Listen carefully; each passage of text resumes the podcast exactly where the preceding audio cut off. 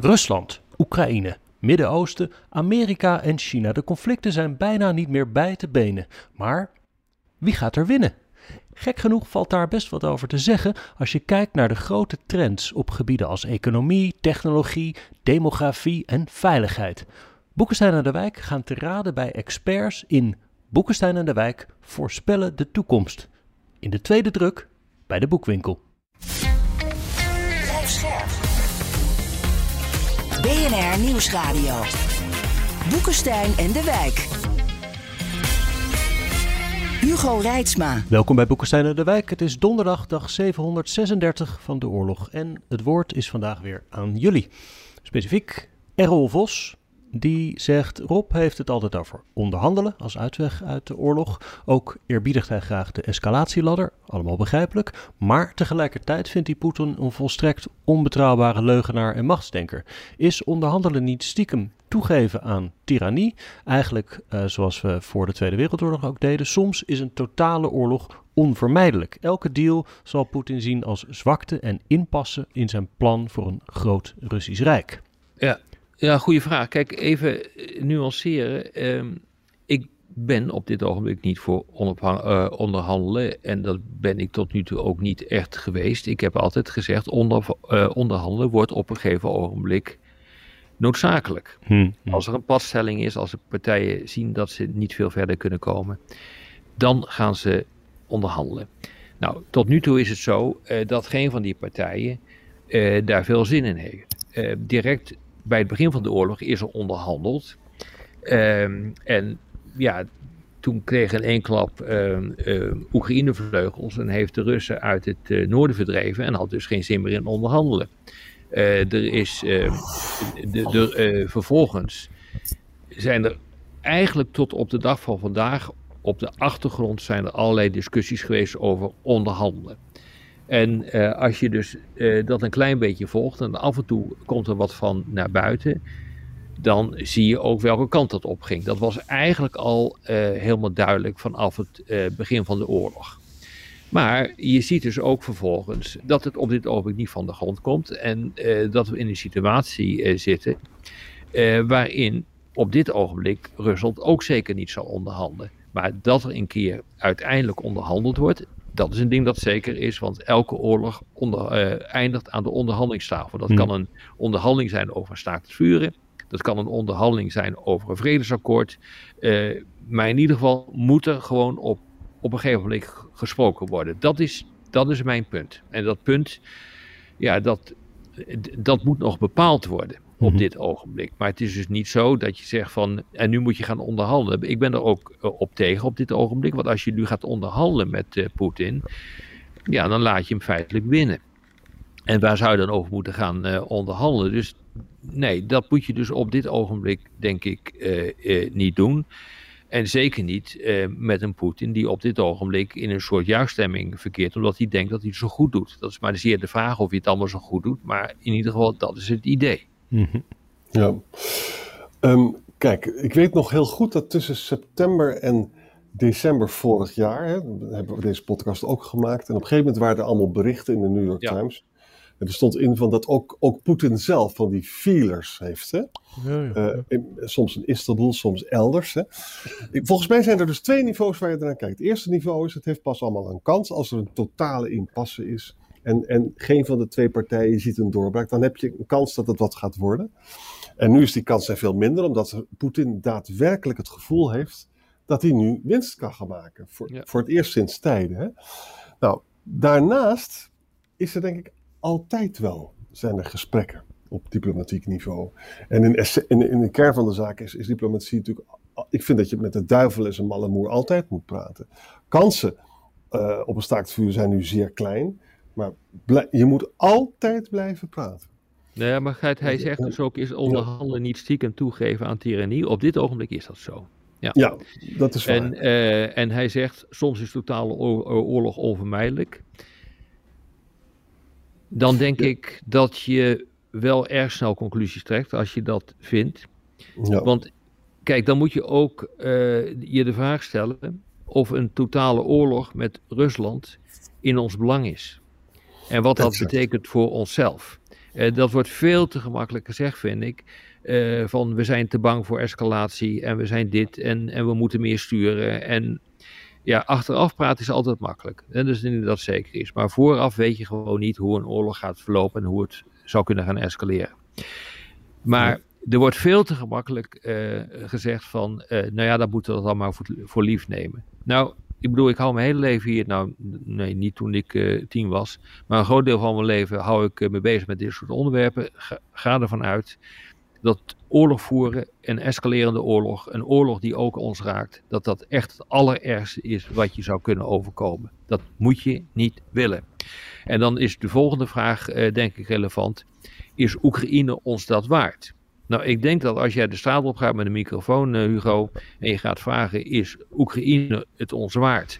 Om een totale oorlog en totale vernietiging van Europa uh, in het vooruitzicht te hebben, dan denk ik dat de meeste mensen nee zeggen. Mm en er is ook geen enkele verplichting ten aanzien van Oekraïne eh, met betrekking tot de NAVO. Die is er gewoon niet. Dat het uit de klauwen kan lopen en dat het toch gaat gebeuren tot je dienst. Daar hadden we het gisteren ook over in verband met die uitspraken van Macron. Die zegt van, uh, nou ja, misschien moeten we maar uh, troepen sturen. Als je dat bij wijze van spreken zou gaan doen, raak je in oorlog met uh, Rusland. De grote vraag is, wil je dat of wil je dat niet? Is het belang dat je hebt in Oekraïne zo groot dat je bereid bent om dat te lopen, dat risico te lopen van een totale oorlog in Europa. Dat is een, echt een vraag die je dan zou moet beantwo moet, moeten beantwoorden. En ik denk dat hoe groot de sympathie voor Oekraïne ook is, dat het antwoord op die vraag nee is. En als je nou uh, in die zin het woordje totale eruit schrapt uh, en dus gewoon zegt soms is oorlog onvermijdelijk, in de zin dat hè, Poetin of Rusland zoals het er nu uitziet, elke vorm van een staakt het vuren, gesprekken, dat soort dingen zal gebruiken om zichzelf te herstellen, om daarna nog beter er ja. tegenaan te gaan, ja, dan moet je ze eigenlijk die kans niet gunnen. En dan is dus vredesbesprekingen een zwaktebod. Dan moet je dus eigenlijk gewoon doorvechten. Nee, dan, Nee, dan moet je wat anders doen op het moment dat je dan uh, een, een staakt het vuren hebt. Dan moet je handelen. Dan moet je of bijvoorbeeld uh, het, de romp staat Oekraïne lid maken van de NAVO. Of je moet er misschien wat troepen van NAVO-landen uh, inbrengen. Of je moet een, een, een vliegverbod instellen boven het niet bezette deel van Oekraïne. Er zijn allemaal mogelijkheden om, om dan iets te doen. En dat is een heel ander verhaal. En dus dat, dat betekent dus niet uh, dat je dan, uh, laten we zeggen, door hoeft te vechten. Nee, je moet je plannen klaar hebben voor als die situatie zich aandient. Ja, en ik denk dat er dus wel, er worden absoluut plannen daar gemaakt. Maar ja, we hebben dus, de troepenbereidheid is nog een probleem hè, om die in te zetten. Mm. En ook de, we hebben te weinig wapens en zo. Dus dat, is, dat, heeft, ook, dat heeft ook nog tijd nodig. Mm. Om dat mhm. allemaal. Ja, en ik bedoel, weet wel wat je zegt. Van we vechten door, waarmee dan? Ja. ja. Ik bedoel, dat wordt ook, daar wordt er ook te gemakkelijk, vind ik, overheen gestapt. Uh, wij hebben uh, na het einde van de Koude Oorlog, 30 jaar geleden, hebben ruim 30 jaar geleden, hebben wij onze krijgsmachten omgevormd tot lichtbewapende vredesmachten en stabilisatiemachten. Daar heb je ook geen grote hoeveelheden zwaar materieel voor nodig. Je hebt geen grote hoeveelheden munitie daarvoor nodig. Die heb je nu wel. Dus onze krijgsmachten die we op dit ogenblik hebben, die zijn ongeschikt voor dit soort uh, oorlogsvoering. We kunnen nog wel iets. En ik denk dat, uh, dat uh, Rusland ook wel zal uitkijken om in conflict te komen met de NAVO. Maar dat heeft veel meer ook te maken met de nucleaire afschrikking die dan geldt. Hm. We noemden gisteren al even Transnistrië, waar het rommelt. Dat is die, uh, uh, hoe zeg je dat, afgescheiden regio van Moldavië. Wat ligt ja. tussen uh, Roemenië en Oekraïne in. En Tjaduwe, ene Tjaduwe, die heeft daar een vraag over. Die zegt, stel dat Transnistrië zich na een referendum wil afscheiden van Moldavië en zich bij Rusland voegt. Hoe zou Rusland reageren wanneer Oekraïne dan op verzoek van Moldavië Transnistrië binnenvalt om de Russische bezetter te verdrijven? Nou, even de geschiedenis is belangrijk. Hè? Het is in 1991 is het af, of 1992 is het afgescheiden, dus van Moldavië. Uh, en het Russische leger heeft toen steun geleverd aan die rebellen. Maar de Russen hebben Transnistrië niet als aparte staat erkend, wat ik erg interessant vind. Hè? Hm. Nou, in 2006 is een referendum gehouden. En toen was 91,7% van de mensen in Transnistrië die steunde Heim Israël. Dus naar, zeg maar naar, naar de Russen toe. Hè? Nou, de meerderheid spreekt daar Russisch en de rest van Moldavië spreekt uh, Roemeens. Nou, we hebben daar in, in, in, uh, in, in Moldavië hebben we tegenwoordig Maya Sandu. Hè, die is heel duidelijk pro-westers. Dat vindt mm Poetin helemaal niet leuk. En waar iedereen natuurlijk bang voor is, is dat er weer een herhaling gaat plaatsvinden van de situatie in Oekraïne.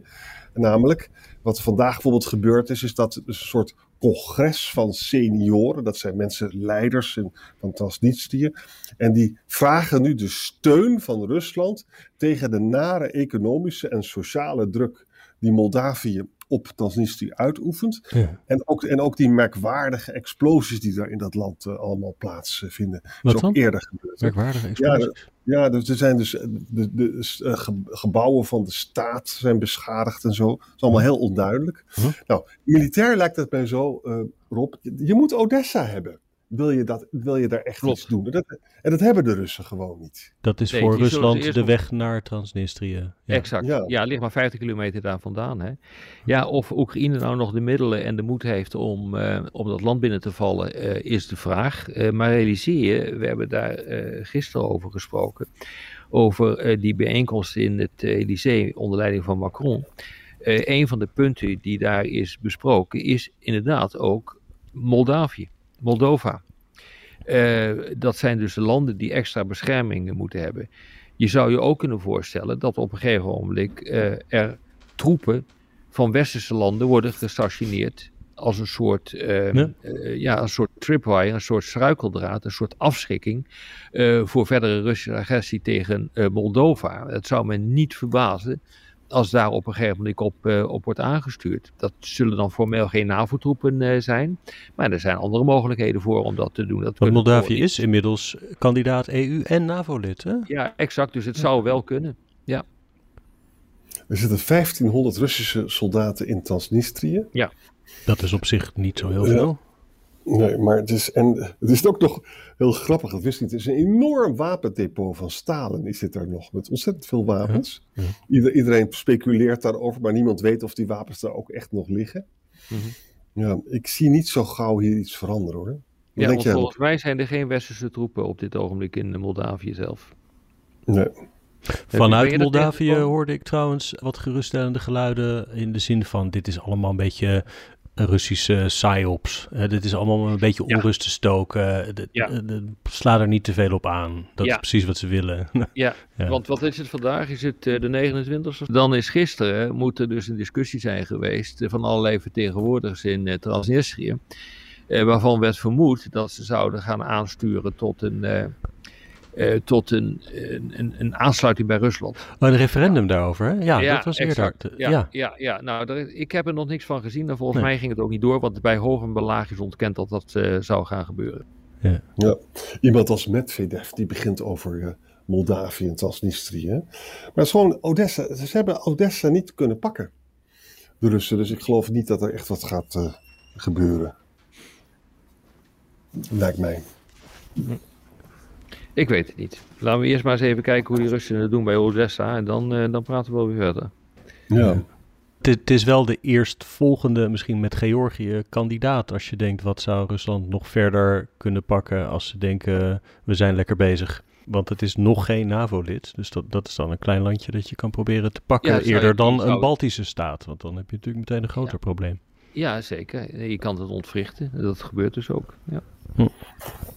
Gaan we nog door naar Herman Kruisweg. Eh, die zegt, we hebben het over de nieuwe wereldorde en de kanteling, maar er is toch ook nog een andere mogelijkheid als Europa afstapt van zijn slachtofferrol en zelf een speler wordt. Ofwel Europa als supermacht. We hebben het klimaat mee, de grondstoffen, de techniek en de kennis en de democratie. Graag zou ik willen weten of dat ook nog een mogelijkheid voor de toekomst kan zijn. Dit lijkt me wat voor jou, Rob. ja, ik heb tien jaar, nee, 15 jaar geleden volgens mij een eh, boekje geschreven. eh, Supermacht Europa. Een zeldzaam Waarbij- optimistisch eh, boek voor jouw werk. Ja, dat het toch nog wel wat Ja, kon nee, worden. Kijk, nou ja, het kan altijd wel worden. Maar dat is 15 jaar geleden. Toen heb ik daar ook voor gepleit. Ehm, en daar ben ik nog steeds voor. Kijk, het, een supermacht is niet een superstaat. Dat is wat anders. Een supermacht, eh, dat is een coalitie van landen dat eh, zijn macht bundelt. En daar zit nou juist het probleem in. De Europese Unie is geen geopolitieke speler die in staat is om zijn macht te projecteren naar andere landen. dus de, het is wel een geopolitieke speler op het moment dat landen wat van ons willen en met ons handel willen drijven, toegang Hmm. willen hebben tot de interne markt, dan kunnen we eisen stellen aan die landen. Kunnen we eisen stellen, zelfs op het gebied van democratie, op het gebied van consumentenbescherming, op het gebied van privacywetgeving, eh, op het gebied van standaarden voor, eh, pro- voor de productie van, van goederen. Ja. Dat kunnen we allemaal doen. Maar daar heb je tegen op- Poetin niet zoveel aan. Maar nou, stel, sterker, daar heb je helemaal niks aan. Nee. Eh, dus, eh, maar wil je wat doen en wil je een machtspolitieke speler worden, dan moet je weten hoe je economie offensief toepast. Nou, die sancties, daar eh, ben ik niet diep van onder de indruk hoe de Europese Unie dat heeft eh, gedaan. Eh, maar je moet ook militaire macht hebben om te kunnen dreigen, om een ander onder druk te kunnen zetten en zo nodig om te kunnen optreden, om je belangen te kunnen verdedigen. Dat kunnen we ook niet. Dus het begint A met een totale verandering van de mindset. Het begint met het, eh, eh, eh, de erkenning dat de morele politiek die we de afgelopen 30 jaar hebben gevoerd hier totaal ongeschikt voor is. Dit heeft niks met rechtvaardigheid te maken, niks met het brengen van democratie te maken, met vrijheden. Dit gaat gewoon echt om ordinaire machtspolitiek. En daar heb je dus ook machtsinstrumenten voor nodig. Dus wil de Europese Unie dit kunnen, dan moet je dus ook echt de machtsinstrumenten ontwikkelen en de mindset eh, daarbij ontwikkelen om ze te kunnen gebruiken. Dat is zeg maar kort gezegd wat je moet doen. Dat vond ik 15 jaar geleden en dat vind ik nog steeds zo. Eh, En je zou kunnen zeggen van, het is nu wel zo dat onze leiders toch onder de indruk zijn wat er allemaal gebeurt. Hè? En waarom zou het nou niet mogelijk zijn om eerste stapjes te zetten waarbij je probeert het Franse vorstenfrap uit te breiden naar Duitsland en dat je ook de tridents van de Britten kan gebruiken. Ik als we het nu niet doen, dan doen we het nooit. Hè? En laten we alsjeblieft die stappen nu gaan zetten. En eh, over het algemeen is het zo, als de druk toeneemt en als de crisis zich eh, multipliceren, als die zich vermenigvuldigen, dan is de Europese Unie in staat om ook stappen te nemen. Ja. Ja, nou ja, En, dan eh, praat je, en dat heb je vaker gezegd, Arend Jan, over, een, Ja. eh, een, een, een- over, de, de, over kernwapens, die horen daar dan ook bij. In Ja. Duitsland eh, flakkert die discussie af en toe op. Volgens mij kan dat helemaal niet, wat eh, Duitsland, eh, wat sommige mensen zeggen, van, eh, dat Duitsland zelfs een bom moet hebben. Eh, want volgens mij, als ik goed, eh, me goed herinner, is in het eh, zogenaamde 2 plus 4 akkoord, eh, dat eh, destijds eh, is ondertekend door de twee Duitslanden en de vier vroegere eh, overwinnaars van de Tweede Wereldoorlog. In dat akkoord dat leidde tot de Duitse eenwording staat gewoon expliciet dat Duitsland door een kernwapen mag ontwikkelen. Ja. En bovendien is het in strijd met non- non-proliferatieakkoord. Dus eh, ehm, nou, daar moet je denk ik niet aan gaan beginnen. Eh, maar je zult dus met creatieve oplossingen moeten komen. Eh, en wat jij net zegt, eh Jan, ja, dat zou dus daaronder kunnen vallen. De Britten hebben dat al gedaan. Die hebben al gezegd van dat kan. Dat Ja. hebben ze gedaan in het zogenaamde New Atlantic Charter. Dat is, dacht ik, in 2021. Het eerste jaar van, van Biden is dat ondertekend. En de Fransen die zijn er uitermate ambigu over. Ja, behalve dat Macron het wel, Macron praat er wel over. Jazeker. Vanaf 2022. Maar als je met generaals praat, dan beginnen ze over Franse soevereiniteit. Je kent Ja. allemaal wel, die argumenten. Polen kan natuurlijk ook niet vanwege de, met al die afspraken met Gorbachev toen. Hè? Je kan niet zomaar Nee, dat kan wel. Nee, dat, de, de, de Polen hebben al eh, aangegeven dat ze mee willen gaan doen in de nucleaire planning eh, van de NAVO. En eh, dat betekent dus ook dat ehm, eh, Poolse jachtvliegtuigen ehm, in staat eh, kunnen zijn om ehm, eh, kernwapens eh, te, te, te gebruiken te- of te Hm. vervoeren en die ook af te werpen. Dus die, die kogel, om het maar zo te zeggen, is volgens mij voor Polen door, eh, de, door de kerk. Ehm, ik weet alleen niet precies hoe de discussie op dit ogenblik ligt binnen de NAVO. Ja, Sikorsky zelf, hè, die was afgelopen paar, paar dagen geleden begon over een Europese kernmacht. Dat is nogal een hel- heldere jongen, Sikorsky, die dat soort dingen Mhm. zegt. Ik meen wel dat er toen met Gorbachev was afgesproken van we gaan geen kernwapens in Oost-Europa neerzetten. Maar goed, Ja. dan moeten we dan nog maar eens Dat, bestuderen. dat, nee, nee, nee, dat, dat, Ja, dat, is ja. ook, dat is ook zo. Maar dat hield, eh, dat hield onder andere ook verband met de Duitse eenwording. Ja. Eh, ja, Maar het is duidelijk dat er gewoon stappen gezet, creatieve stappen. Laten we maar eens beginnen om met de spullen die we hebben, nou eens een keer met elkaar te laten samenwerken. Maar Jan, het betekent nog Ja. steeds niet. Hè? Als, dit heet nuclear sharing, wat eh, de, de Polen willen. Dat betekent nog steeds niet dat er eh, kernwapens eh, van Amerika in, ehm, in Polen worden opgeslagen. Dat hoeft het niet te betekenen. Nee, dus op het moment dat je je vliegtuigen daarvoor beschikbaar stelt en het is oorlogstijd, ja weet je, oorlogstijd, dan vervallen ook de afspraken. exact. exact. Ik zie Rob dat eh, jouw boek, dat dus 15 jaar te vroeg is verschenen, Ja, over. Europa als supermacht, inmiddels bij de slechte ligt voor slechts 15 euro.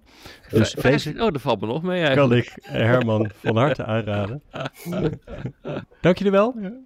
Ja, tot, tot morgen. eh, tot morgen. Morgen. De allernieuwste telefoon, een groter huis, een dikke auto voor de deur, verre vakanties. Ik gun het je van harte hoor. Maar wat heb je eraan als ondertussen de planeet verder opwarmt en naar de galamiezen gaat? Wil je echt weten hoe het zit en wat we eraan kunnen doen? Luister dan naar BNR Duurzaam. Elke maandag tussen 3 en half 4 op de radio en altijd online als podcast. Want die volhoudbare wereld, die maken we samen. BNR Duurzaam wordt mede mogelijk gemaakt door Milieuservice Nederland. De ondernemende afvalpartner voor zakelijk Nederland.